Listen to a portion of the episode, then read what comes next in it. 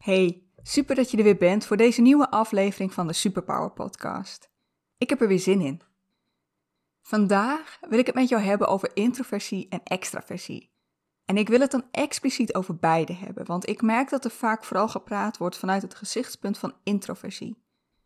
Alsof we vooral die wereld beter moeten leren begrijpen, maar ik denk dat het andersom ook geldt. Dat we vaak, en zeker introverte mensen, ook niet helemaal begrijpen hoe het werkt voor extraverte mensen. Dus wat ik graag wil bereiken met deze podcast is dat we beide kanten begrijpen. Moet ik wel eerlijk bij bekennen, ik weet zelf donders goed van mezelf dat ik introvert ben. En dat maakt het voor mij wel makkelijker om over introversie te praten. In ieder geval de voorbeelden die ik zal noemen zijn vooral vanuit mijn belevingswereld.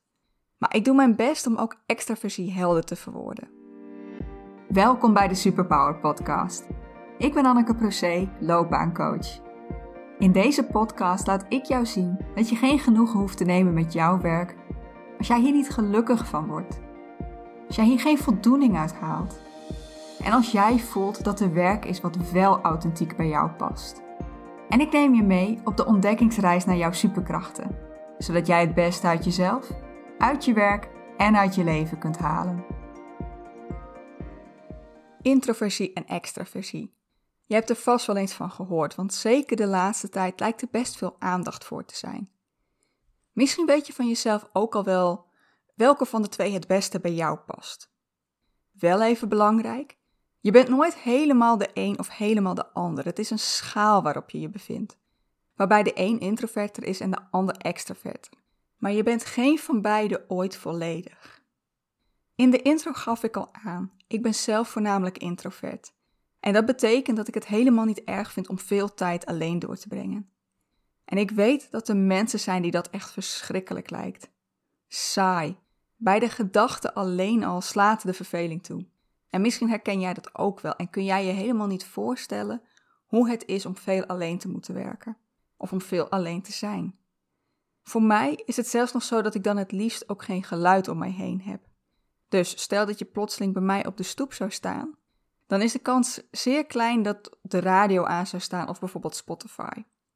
Ik vind muziek heerlijk hoor, maar daar moet ik dan echt even tijd voor maken. Ik heb gewoon niet zoveel input nodig uit de buitenwereld en ik kan helemaal opgaan in mijn eigen innerlijke wereld. En hoe cryptisch dat ook mag klinken, als je je daar geen voorstelling bij kunt maken. Maar ik vind het gewoon heerlijk om in mijn eigen verbeelding en in mijn eigen gedachten op te gaan. Maar dat betekent niet dat ik altijd alleen wil zijn hoor. Ik heb ook nog steeds wel behoefte aan menselijk contact, alleen een stuk minder dan iemand die meer extravert is. Drukke feestjes, grote familiebijeenkomsten, weet je, ik vind die al snel vermoeiend. En wat voor mij een grote familiebijeenkomst is, vind jij misschien nog wel heel klein. Ik ben veel liever met een klein groepje mensen, of zelfs maar met één persoon waar ik vervolgens de hele avond mee kan praten. Heb ik altijd geweten dat ik introvert ben?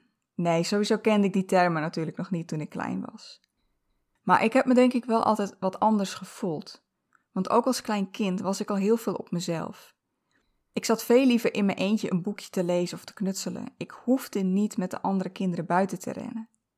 En hoewel ik toen nog heel jong was, en dan, dan is je geheugen nog niet optimaal, ik weet nog wel dat dat als raar werd gezien, omdat ik relatief weinig contact zocht met mijn klasgenootjes.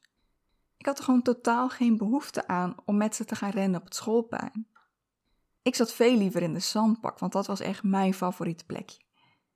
Achteraf gezien had ik eigenlijk op dat moment behoefte aan één of twee vriendinnetjes, denk ik. Maar wat ik nog wel weet, ik zat vooral in een klas waar iedereen het heerlijk vond om met elkaar over dat schoolplein te rennen.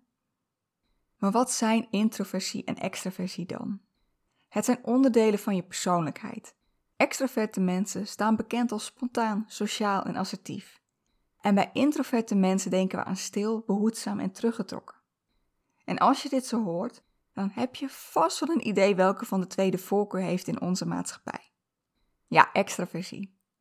Want die mensen zijn zo lekker vrolijk en aanwezig. Ze komen op voor zichzelf en ze laten zichzelf zien. Nou, ik heb, ik heb er geen zin in om helemaal de geschiedenis in te duiken. Maar vroeger, voor de industriële revolutie, toen we nog veel meer verspreid van elkaar woonden, was introversie helemaal niet vreemd. Toen hadden we het natuurlijk nog niet over introversie en extraversie, maar goed. Maar naarmate we steeds dichter bij elkaar gingen wonen in steden en we onszelf moesten leren verkopen om aan de bak te komen, toen kwam de nadruk steeds meer te liggen op aanwezig zijn en jezelf laten zien. Natuurlijk, extraversie bestond ook voor de industriële revolutie. En de kans is groot dat de mensen die toen extravert waren het voor hun gevoel zwaarder hadden. Dat ze zich verveelden en dat, dat er gewoon relatief weinig input vanuit de buitenwereld kwam. Ik kan me gewoon heel goed voorstellen dat dit de mensen waren die, uh, die de rondtrekkende verkopers werden. Die hun waren aan de man moesten brengen en gewoon elke keer weer op een andere plaats konden zijn. Je hoorde mij al zeggen dat het deel is van je persoonlijkheid. En het kan zijn dat je nu denkt: maar mijn persoonlijkheid, die kan ik toch veranderen? Ja, er zijn delen aan je persoonlijkheid die je zeker bij kunt schaven. Of je het helemaal kunt veranderen is nog de vraag. Want daar zijn de meningen ook over verdeeld. Maar als jij een vriendelijker persoon wilt worden die minder snel gefrustreerd is, dan kun je je dat in zekere mate echt wel aanleren. Maar bij introversie en extraversie ligt dat wel iets anders, want hier zit een biologische grondslag onder. En dit is dan ook een deel van de persoonlijkheid die al bij hele jonge kinderen terug te zien is. En volgens onderzoek is dit zelfs bij baby's al te zien. En wat je ook aan de buitenkant ziet bij introverte en extraverte mensen, wat hier onzichtbaar is, is de manier waarop wij onze energie en onze aandacht richten. Bij introverte mensen is deze aandacht naar binnen gericht, op de gevoelens en gedachten die spelen. En natuurlijk zijn zij niet afgesloten van de buitenwereld, maar ze zijn meer bezig met hoe die buitenwereld effect op hen heeft. Bij extraverte mensen is de energie en de aandacht vooral gericht op de buitenwereld. Ze willen contact maken met de buitenwereld. En vaak denken we hierbij aan mensen die altijd onder de mensen willen zijn, maar het gaat niet alleen om menselijk contact. Het gaat eigenlijk om alles wat een prikkel kan geven vanuit de buitenwereld. Zij zijn ook bewust of onbewust meer bezig met hoe ze zelf effect kunnen hebben op de buitenwereld. Een vraag die bijvoorbeeld vaak gesteld wordt bij het vaststellen van introversie of extraversie is: welke wereld is volgens jou belangrijker? De buitenwereld of jouw binnenwereld? En ik weet niet wat jouw antwoord op deze vraag is. Maar voor mij is die overduidelijk. Dat is voor mij mijn eigen binnenwereld. Want daar is voor mij zoveel te beleven. Maar ik kan me heel goed voorstellen dat dat heel vreemd lijkt voor mensen die liever bezig zijn met de buitenwereld. Maar hoe werkt dit dan intern? Want ik zei dat er een biologische grondslag onder ligt. En ja, dan moet ik toch een klein lesje biologie gaan geven, ben ik bang. En dan over het brein. Want het blijkt dat het brein van een introvert persoon anders gewaard is dan van een extravert persoon. En dit heeft te maken met de doorbloeding, oftewel welke hersengebieden meer aangesproken worden, en met hoe we reageren op stoffen die ons brein aanmaakt. Of deze doorbloeding en hoe we reageren op deze stoffen ook nog weer verband met elkaar heeft, weet ik eigenlijk niet, maar ik denk het wel. Omdat ze wel altijd samen voorkomen.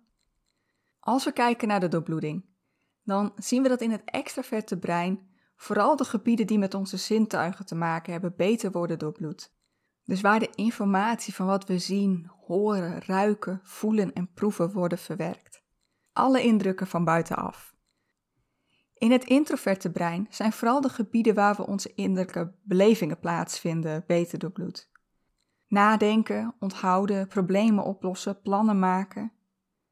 Ja, dit betekent natuurlijk niet dat een introvert niks doet met informatie van buitenaf. En dat een extrovert nooit nadenkt, niks kan onthouden, geen plannen kan maken, geen problemen op kan lossen. Maar je hebt wel een voorkeur voor de een of de ander. Ik had het ook over stoffen in ons brein. Stoffen die boodschappen versturen tussen de verschillende zenuwcellen. Dit zijn neurotransmitters. En in dit geval hebben we het over dopamine en acetylcholine. Na deze podcast mag je al deze namen weer vergeten als je ze niet wil onthouden. Maar ik gebruik ze nu toch even, want het maakt het makkelijker om dingen uit te leggen. Voor extraverte mensen is dopamine belangrijker. Dit is een stof die ons alert maakt en ons beloningssysteem triggert. Het geeft ons een goed gevoel en geeft ons energie. Tenminste als je extravert bent. Want bij een introvert persoon zorgt dit juist voor overprikkeling. En daardoor zijn ze juist veel sneller vermoeid. En, nou ja, de extrovert krijgt er een heerlijke energieboost van, de introverte persoon iets minder. Het zorgt ervoor dat we alert worden, socialer, enthousiaster. Maar om voldoende dopamine aan te kunnen maken, hebben we prikkels van buiten nodig. Andere mensen om ons heen, of iets wat ons een adrenalinekick geeft, zoals een spannende attractie in een pretpark, of een risicovolle sport, of een spannend project op je werk waar je risico's mag nemen. Voor introverte mensen is acetylcholine belangrijk. Deze zorgt er juist voor dat we kalm blijven en ons lange termijn geheugen aanspreken. En deze stof wordt ook aangemaakt als we dingen doen waar we rustig van worden. Zoals lekker rustig lezen, nadenken, dagdromen. Dingen waarbij we kunnen denken en voelen. En dan zie je ook al meteen hoe de grote verschillen tussen extroverte en introverte mensen tot stand komen. Als extrovert voel je je heerlijk bij prikkels van buitenaf en krijg je hier energie van en je wilt actie nemen.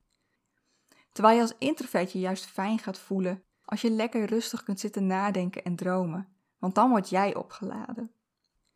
Maar hoe zie je deze verschillen dan terug als je introverte en extroverte mensen naast elkaar zet?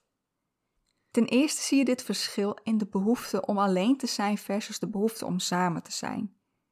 En dit betekent niet dat de een altijd alleen wil zijn en de ander altijd samen. Want die hoor ik nog wel eens als ik met mensen hierover praat.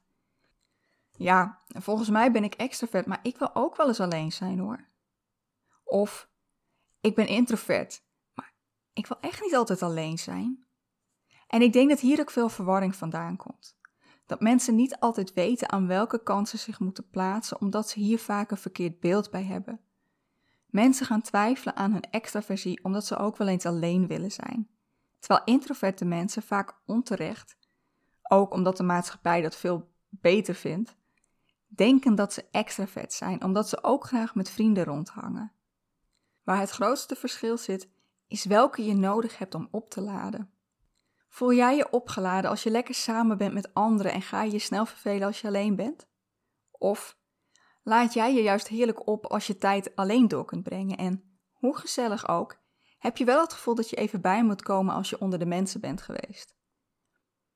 Ik verveel me dus echt niet snel in mijn eentje. Ik laat op als ik alleen ben.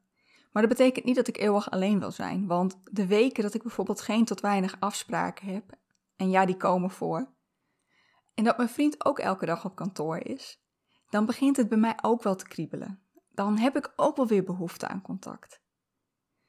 Maar als we kijken naar dit verschil, dan zul je toch zien dat introverte mensen meer tijd alleen door zullen brengen dan extraverte mensen. Nou, ten tweede zien we het terug in met hoeveel mensen we graag samen zijn. Een extravert zal al snel zeggen: the more the merrier. Terwijl bij de introvert bij die gedachte alleen al de vermoeidheid toe kan slaan. Maar een extravert haalt prikkels en daarmee dopamine uit al deze mensen. De introvert ook, maar die raakt daardoor overprikkeld. Maar zoals ik net al zei, ook een introvert wil niet altijd alleen zijn. Maar als introvert ben je dan veel liever met een kleine gezelschap en dan het liefst nog met mensen die je al kent. Ik ben echt veel liever met één of twee goede vrienden dan dat ik in een groot gezelschap ben. Juist op plekken waar ik niemand ken. Denk bijvoorbeeld aan netwerkborrels, de horror. Ben ik juist iemand die zich een beetje afzondert, die aan de rand gaat staan. Of ik pik er één of twee personen uit met wie ik echt in gesprek ga. En dat brengt ons ook bij het volgende verschil. Want nummer drie is het verschil tussen de behoefte aan smalltalk en gesprekken met diepgang. Als extravert heb je geen problemen met gewoon even lekker bijkletsen met Jan en Alleman. En waarschijnlijk praat je het liefst met zoveel mogelijk mensen, want dan krijg je zoveel mogelijk prikkels. Hierbij gebruik je ook vooral die hersengebieden die te maken hebben met je externe zintuigen. Je hoort en je ziet. Maar je hoeft niet per se dieper te gaan dan dat. Je hoeft niet die hersengebieden aan te spreken waar je ook diep op de stof in moet gaan. Maar je raadt het al, daar heeft de introverte persoon juist behoefte aan. Alleen de prikkeling van de zintuigen is niet voldoende. Integendeel, dat, dat put je juist uit. Nee, geef hem maar één of twee personen waarmee ze lekker de diepte in kunnen gaan, waar ze kunnen nadenken, waar ze kunnen discussiëren.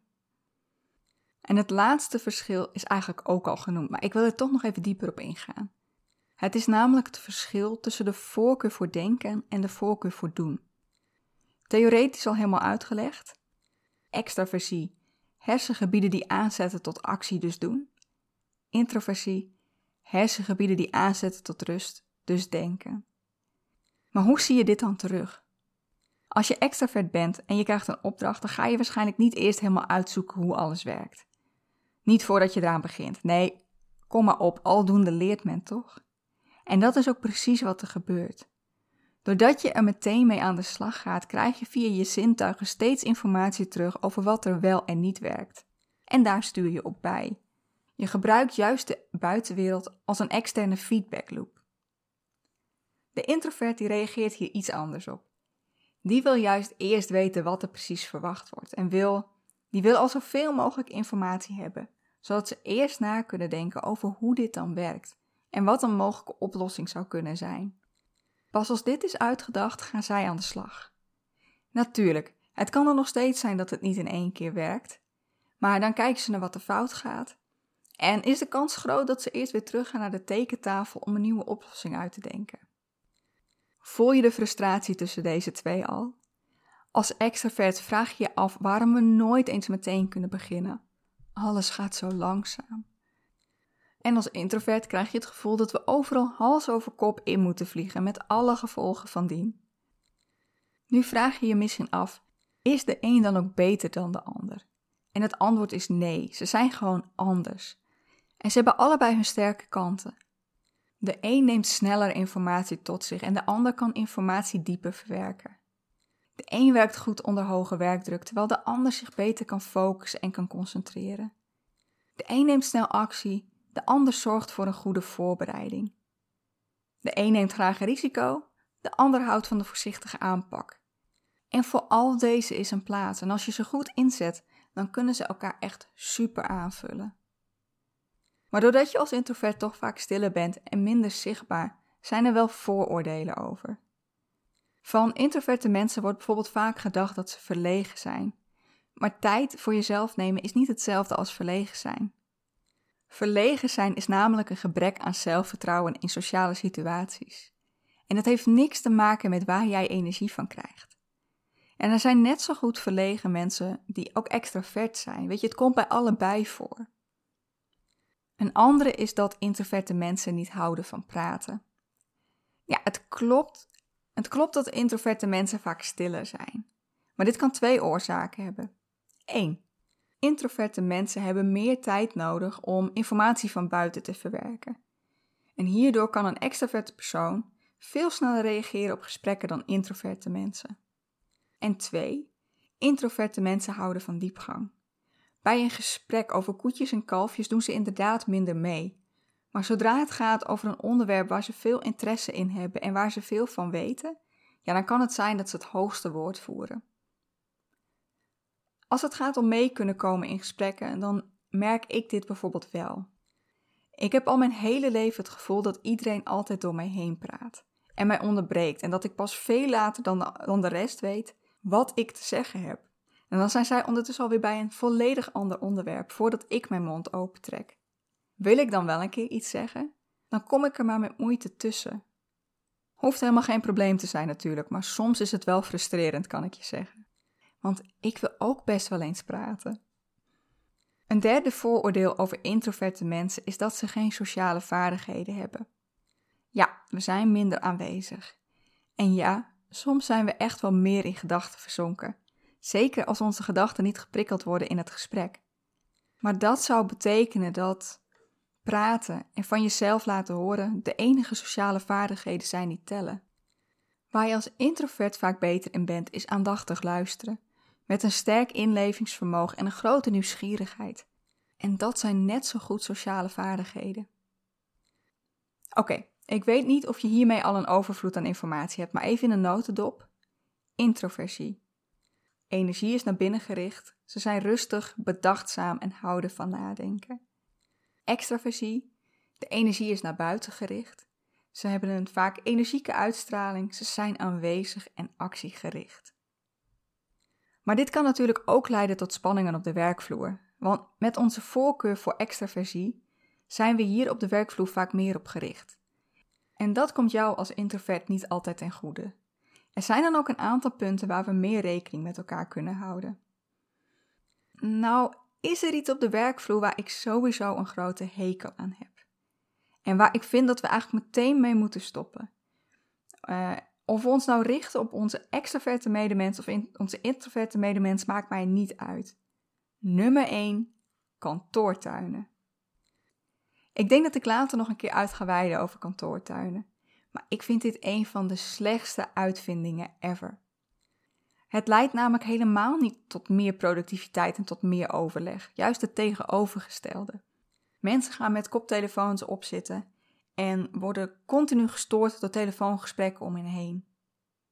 Voor beide is een kantoortuin vermoeiend, maar voor de introverte werknemer wel een stukje meer. Dus, als er al zoiets als een kantoortuin is, dan raad ik aan om ook stilteruimtes beschikbaar te maken. Ruimtes waar je even in alle rust kunt werken en je kunt concentreren, zonder stoorzenders van buiten. Ook als extravert persoon zul je momenten hebben dat je je echt even moet concentreren. Dus dan is deze stilteruimte goed voor allebei. Zeg ik hiermee dat we allemaal onze eigen ruimte moeten hebben om te werken? Nee, kleinere ruimtes met een paar collega's werken juist heel goed. Maar dan kun je veel beter afspraken maken over wat er wel en niet op de kamer besproken wordt. Bijvoorbeeld, word je gebeld? Ga dan even naar de gang. Of waar jullie als team ook maar behoefte aan hebben. Nummer 2. Zorg voor een agenda voor een overleg. I know, dit lijkt alsof je extra werk moet doen. Maar je introverte collega houdt ervan om zich goed voor te bereiden. Dan kunnen ze alvast nadenken over hun input voor het overleg. Ze kunnen zich alvast inlezen. Als het goed is, kost het dan ook weer niet zoveel moeite. En het zorgt er wel voor dat je tijdens het overleg veel meer input krijgt ook van die mensen die anders normaal heel stil zijn. Nummer 3. Laat je introverte collega uitpraten. Als introvert heb je meer tijd nodig om na te denken over wat je in wil brengen. En dan heb je vaak je verhaal al helder in je hoofd. En als je dan bezig bent met praten, word je van je apropos gebracht doordat iemand je onderbreekt. Eh, doordat hij of zij ook iets in wil brengen. Of omdat ze tussendoor opeens een vraag hebben grote kans dat jij de draad van je verhaal dan kwijt bent en je weer terugtrekt. Daarbij ook meteen nummer 4. Als je het kan, onderbreek je extraverte collega vooral wel. Als extravert gebruik je namelijk die onderbreking als extra input.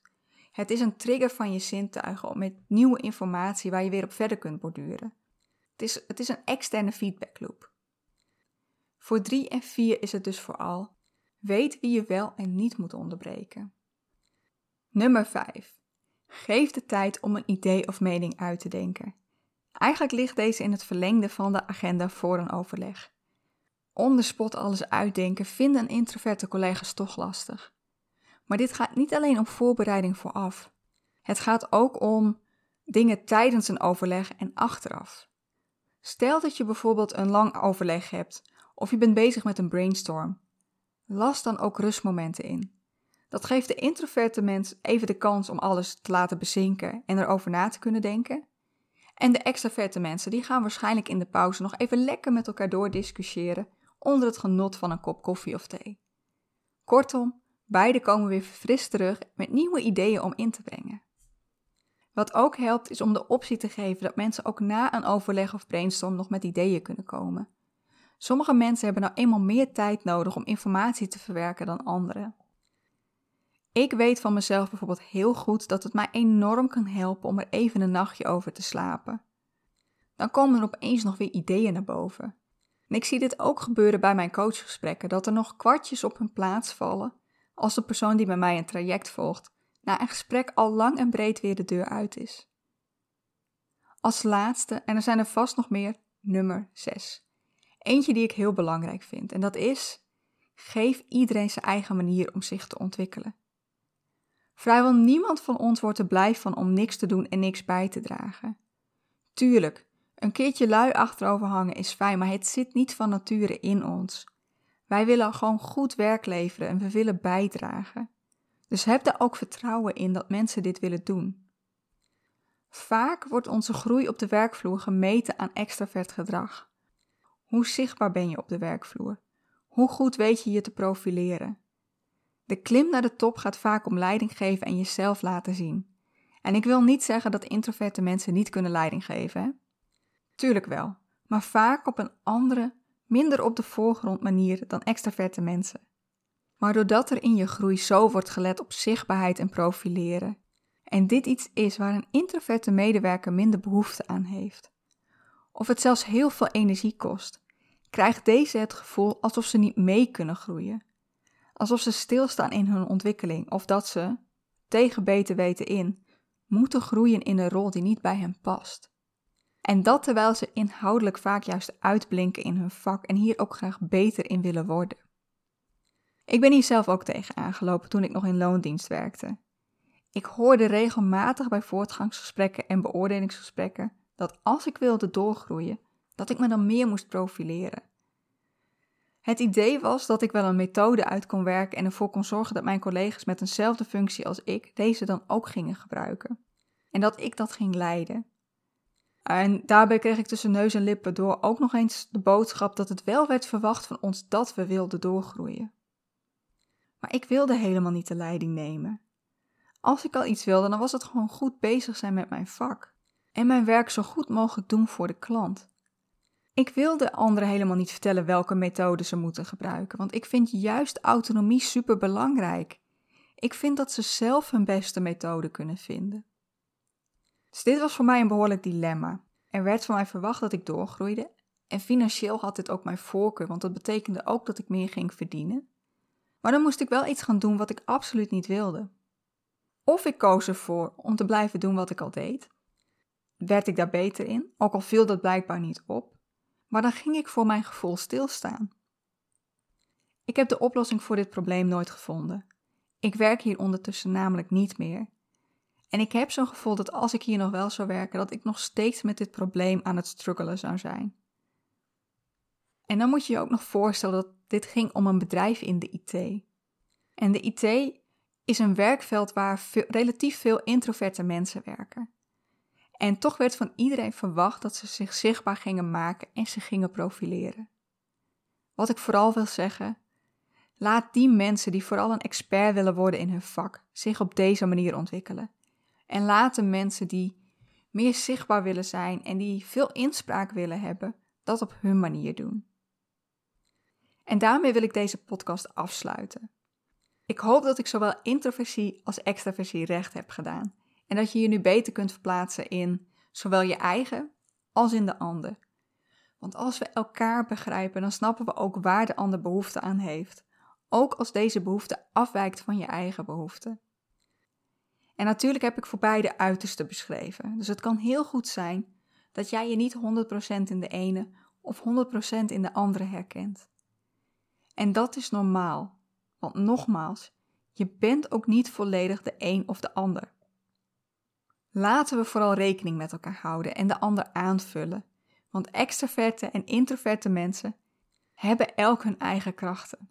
En ik denk dat dat een geweldige samenwerking kan zijn als iedereen voldoende ruimte krijgt om zichzelf te zijn. Jongens, ik ga afsluiten. Ik zou het heel leuk vinden als je voor mij nog een review of een rating achter wilt laten op bijvoorbeeld iTunes. Want daarmee kun jij ervoor zorgen dat deze podcast meer onder de aandacht komt. Tot bij de volgende podcast.